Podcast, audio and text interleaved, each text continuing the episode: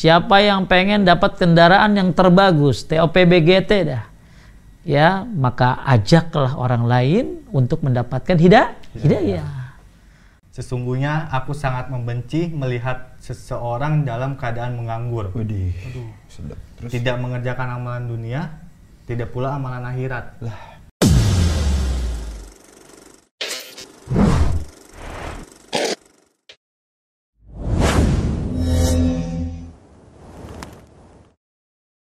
Assalamualaikum warahmatullahi wabarakatuh.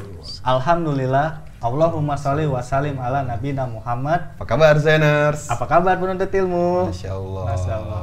Brother Muslim sehat semua ya. Semoga selalu dalam lindungan Allah Subhanahu Wa Taala. Masya Amin. Allah. Masya Allah. Brother Edi, apa kabar? Apa kabar? Sehat. Alhamdulillah. Antum sibuk nggak nih? sibuk kayak. Hah, sibuk terus? Ih, sibuk terus. Seorang Muslim harus sibuk, Sibuk. tapi bermanfaat. Bermanfaat. Kita balik lagi di acara Diari seorang Muslim. Masya Allah. Gimana gimana? Nih, Antum. ngomong-ngomong, kita lagi di mana nih ya?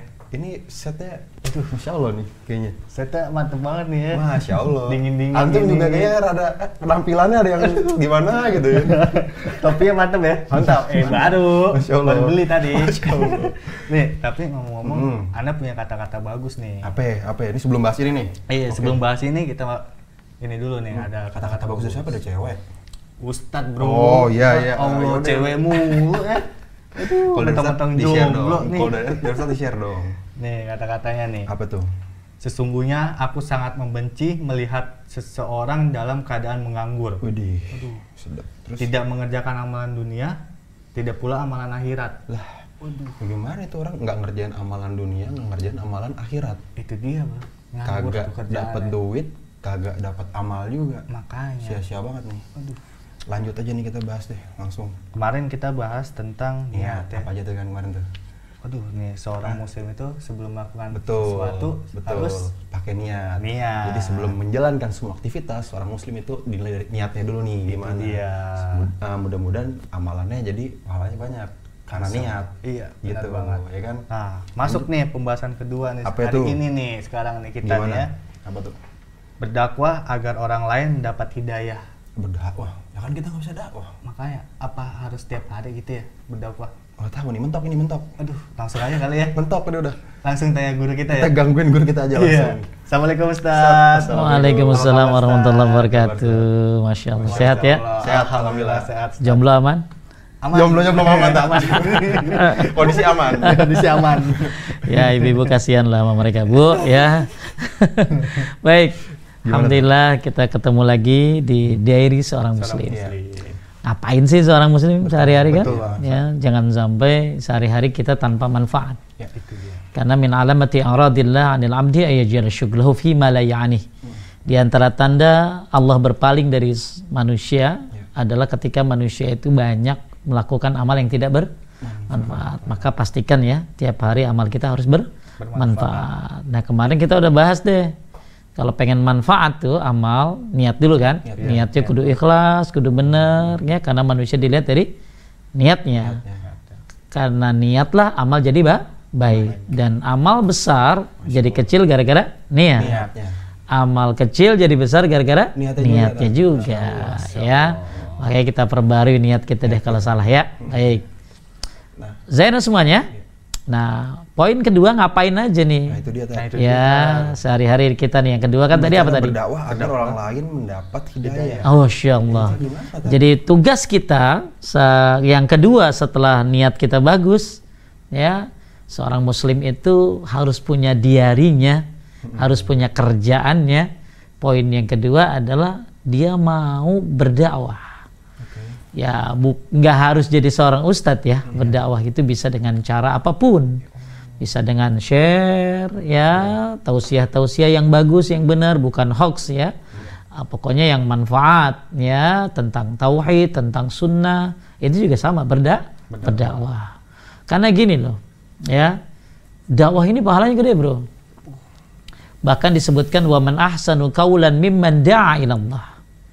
Ya, tidak ada perkataan yang paling baik kecuali orang menyeru kepada Al- Allah. Makanya kita sehari-hari itu harus ada niat pengen dakwah. agar orang lain juga dapat hidayah. Hidayah. Hidayah, ya. Jadi jangan hidayah kita keep doang buat kita doang, jangan.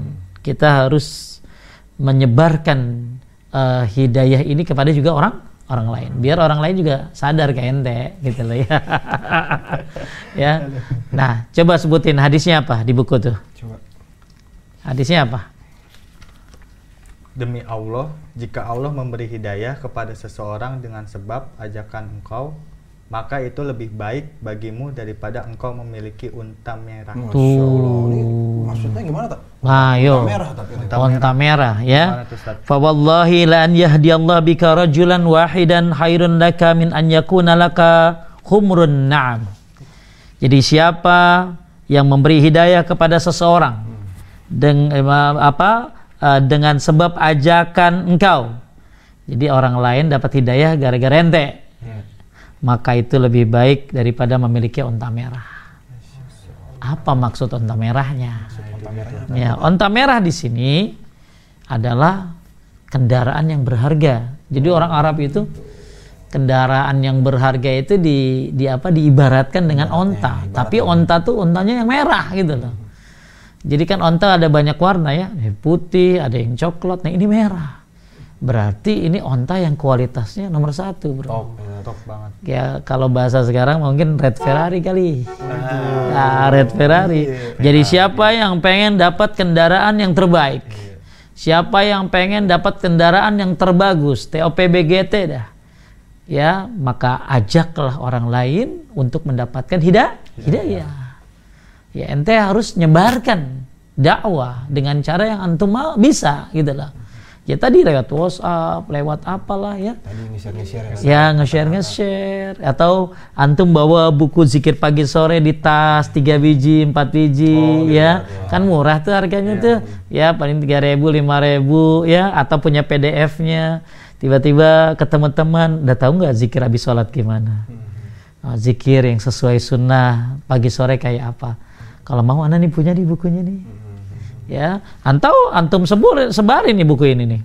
Ya buku ini. Nih, ini kan bagus buku ini nih. kecil ajaib, ya. murah tapi manfaat. Manfaatnya banyak. amalan harian seorang muslim ya. Ngapain aja seorang muslim itu? Makanya kita bahas di diary seorang Muslim. muslim, nah antum ketemu teman lama eh dia ngobrol ngalal ngidul. Anda punya buku kali aja manfaat buat antum. Masya ya. Apa benar apa bisa dia dapat hidayah tat? Emang hidayah urusan kita kita mah cuma ngajarin Iya.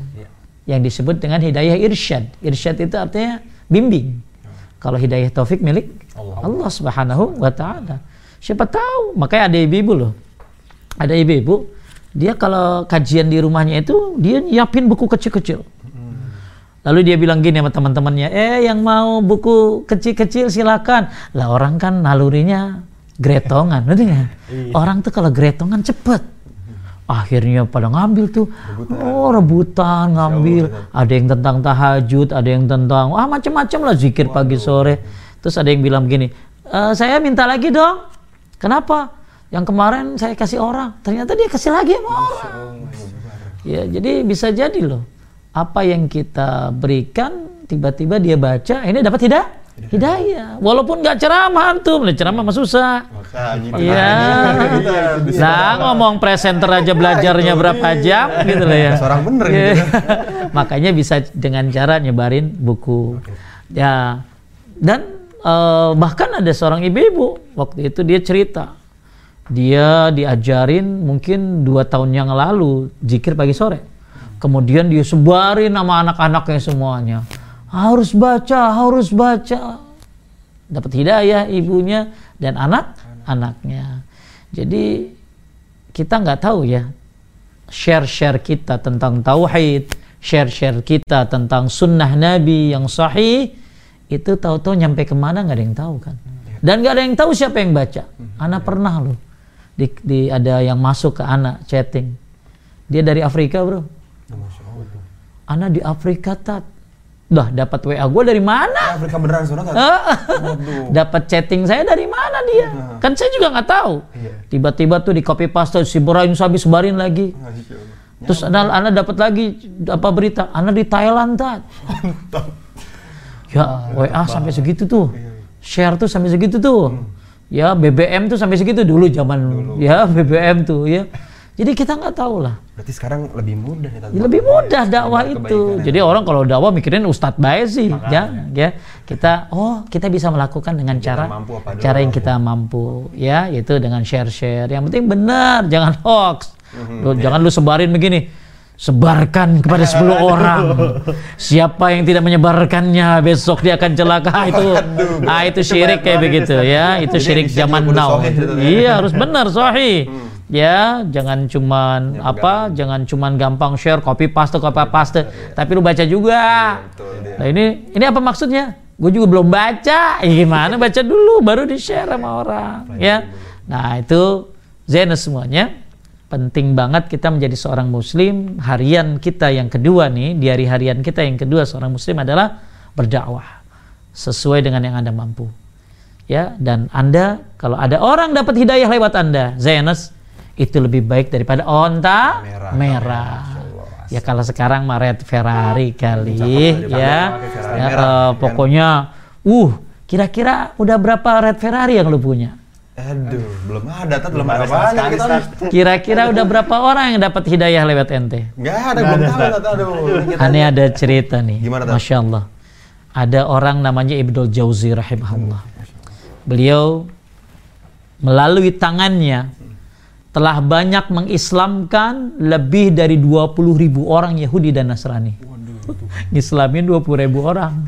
mantap. Allahu Akbar. Ibnul Jauzi. Terus udah selesai sampai situ. Jadi dia ngislamin berapa tadi? 20 ribu orang.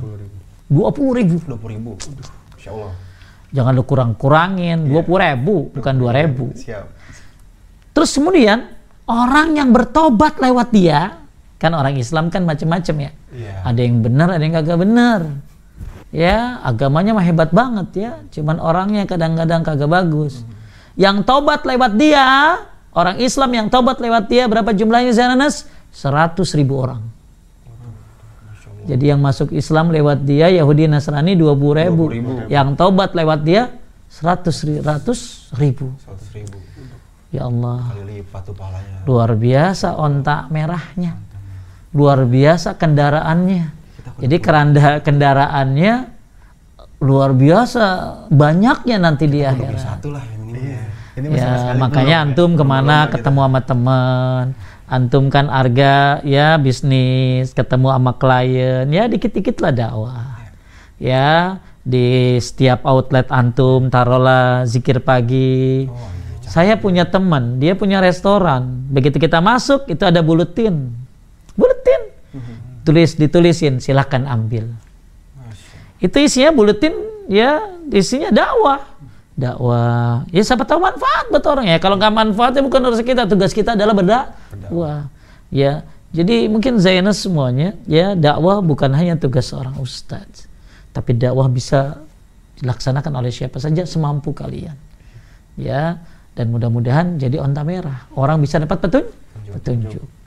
Siapa tahu aja nanti teman-teman lama ente ketemu kan, mungkin ada acara apa, ketemu di jalan, nongkrong lagi naik motor, ketemu eh anak punya buku nih amalan harian seorang muslim. Mudah-mudahan manfaat buat ente. Ya mungkin dia ngambilnya nggak pakai nggak pakai rasa senang ya, bisa jadi karena terpaksa. Ditaruh aja begitu. Wallahu alam loh.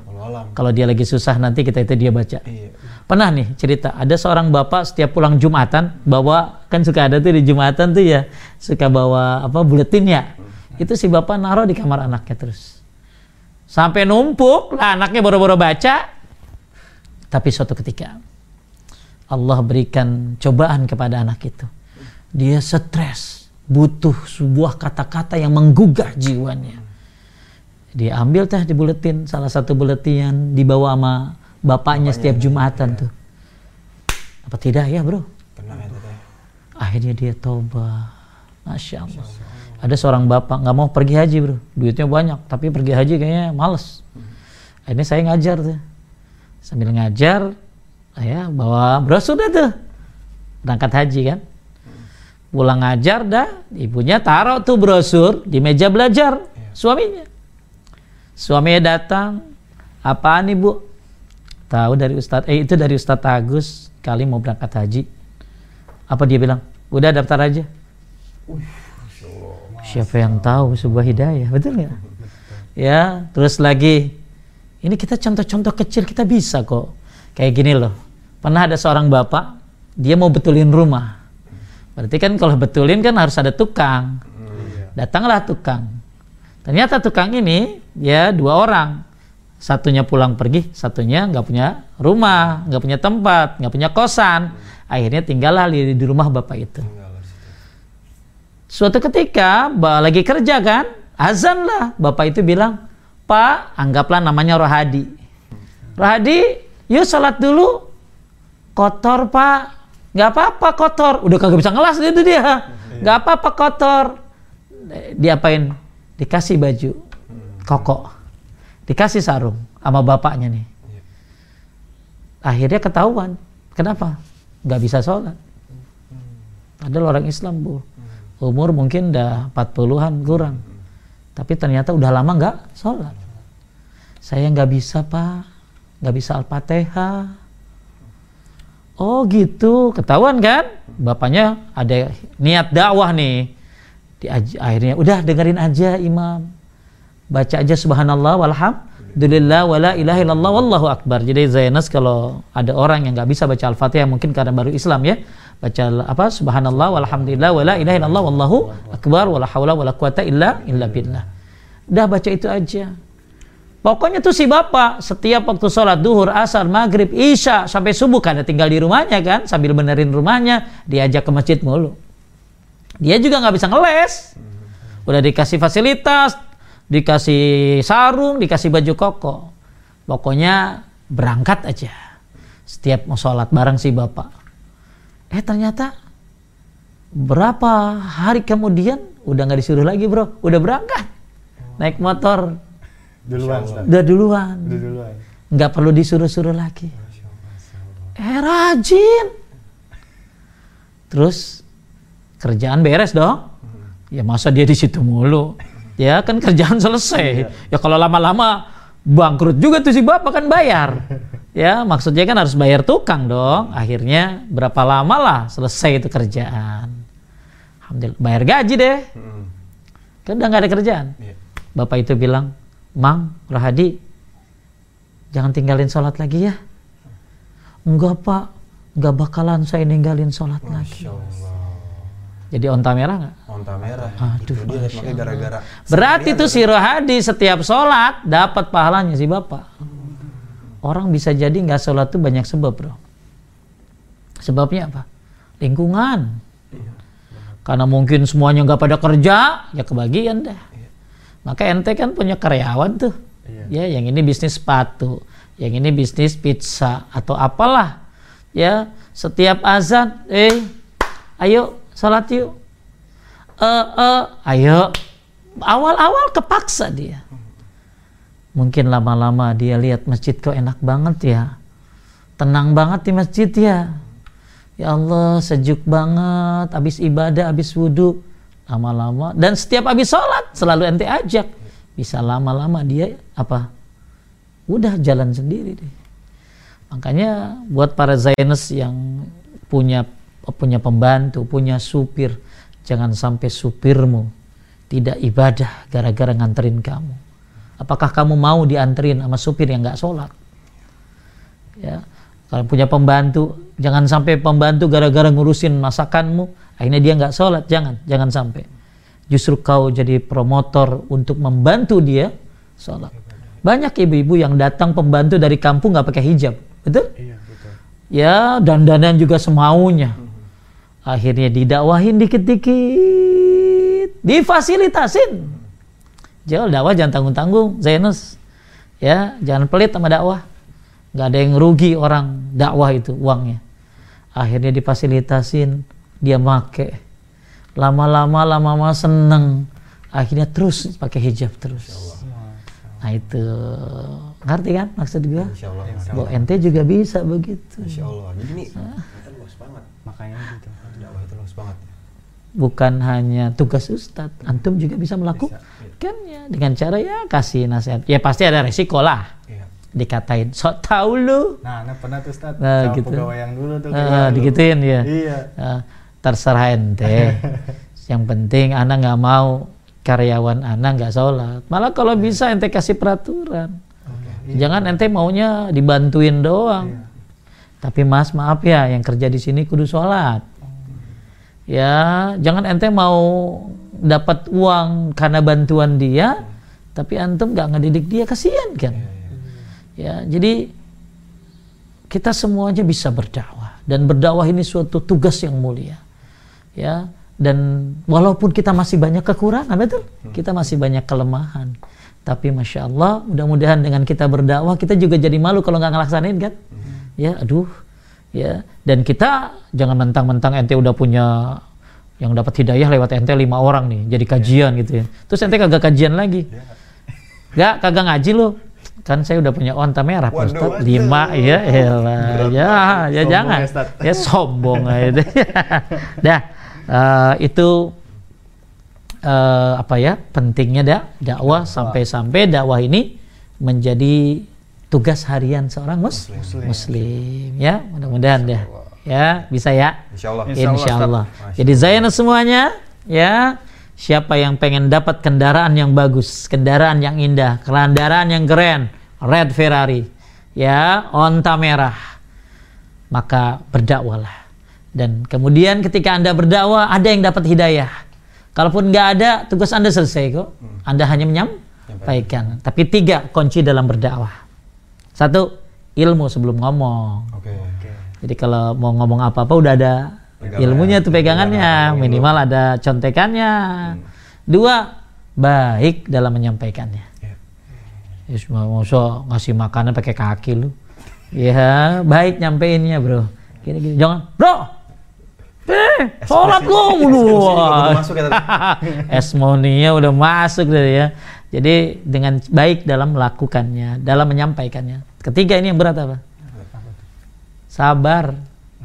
Habis menyam Menyampaikan. sabar abis menyampaikannya ada orang yang begitu disampaikan seneng makasih bro makasih banget ada yang so tau lu lu kan dulu di bawah gua udah ya ya Pancing. ada lagi yang mungkin malah lab dari grup ya karena nggak mau dina sehatin. Bahkan ada yang eh, ya malah menjauh. Ya itu resiko. Jadi hidup kan harus ada re- resiko, ya.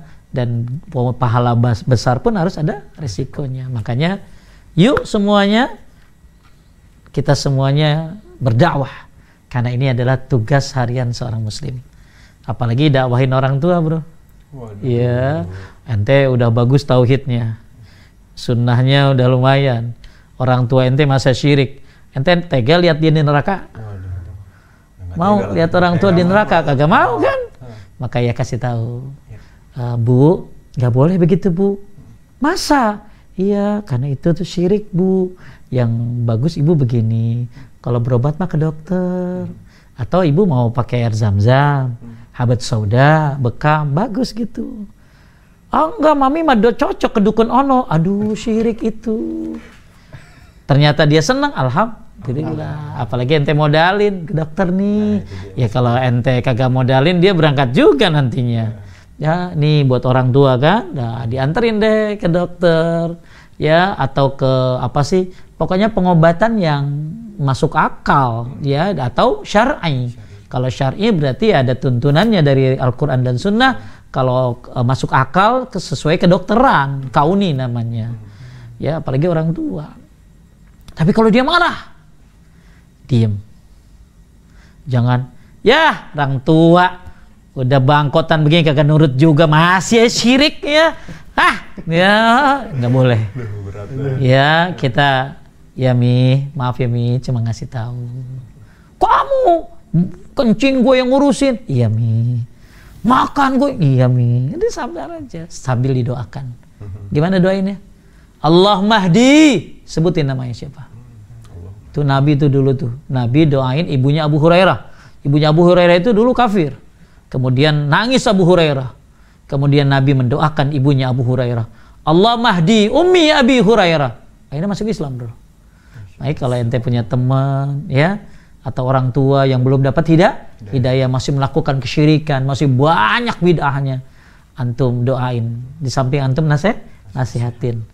Antum juga kasih buku-buku. Nih ada buku bagus nih, Mi. Zikir pagi sore. Kan orang tua seneng zikir-zikir gitu ya. Tapi zikir yang bener, yang ada keutamaannya, tapi yang sahih. Jangan yang lemah apalagi palsu, ya. Nih, Mi, siapa yang baca la haula wala quwata illa billah. Ternyata itu ada pintu namanya itu ada pintu surga loh Mi. Nama pintu surga la haula wala quwata illa billah. Siapa yang baca subhanallah walhamdulillah wala ilaha illallah wallahu akbar, dia akan lebih baik daripada apa yang tersinarkan oleh matahari, lebih baik daripada dunia sisi. Mama senang tuh bilangin gitu tuh. Yang penting sahih. Oh iya, iya, lama-lama senang deh tuh. Jadi ente kasih tahu, nggak bisa, ente kasih buku, nggak bisa sujud berdoa kepada Allah supaya dia dapat hidayah. Hidayah. Abang ente, adik ente, ya teman-teman ente apalagi teman yang deket ya. Aduh ya Allah kita sering cekakak cekikik sama teman-teman dulu ya. Dan berharap mereka selamat juga dapat hidayah juga.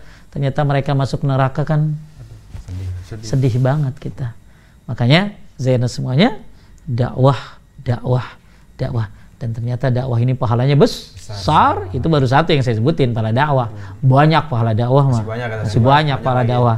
Tugas kedua seorang muslim setelah setiap hari niat yang baik maka hendaklah berdakwah kepada siapa saja yang antum temui dengan cara yang disyariatkan tentunya. Il- ilmu sebelum ngomong. Baik lagi ngomong. Sabar habis ngomong. Tiga itu ya. Tiga. Mudah-mudahan kita dimudahkan untuk dapat ontak Merah. merah. Amin, amin. dah. Yuk. Masya Allah. Ternyata nih manfaatnya banyak banget. Banyak banget. Pembahasan ya. kedua nih ya kan. Ternyata nih luas banget ranah dakwah nih semampu kita Zainars ya kan. Gak perlu repot-repot yang gimana ternyata hal yang ringan tadi kayak kita bagi-bagiin buku pagi petang, Masya zikir Allah, pagi ya. petang ya kan. Itu udah pahalanya Masya Pahalanya Allah. banyak banget ya. Mm-mm. dan berdakwah itu bukan ke ustadz doang kan. Iya Tapi makanya belajar dari ustadz Masya doang Allah. Next kita bahas apa lagi di buku ini nih masih kita masih, Masih banyak. bahas dakwah Masih ya bahas masih dakwah. banyak dakwah Oke. keutamaan dakwah biar tambah semangat semuanya oke masih panjang ini Ya berarti. udah nih. eh, untuk episode kali ini kita tutup dulu. Mudah-mudahan manfaat buat Zainus di rumah ya kan. Kita tutup dengan doa kafaratul majelis. Subhanakallahumma wa bihamdika asyhadu an la ilaha illa anta astaghfiruka wa atubu ilaik. Ustaz, jazakallah khairan. Wa iyyak. Barakallahu fikum. Assalamualaikum warahmatullahi wabarakatuh. Masya Allah.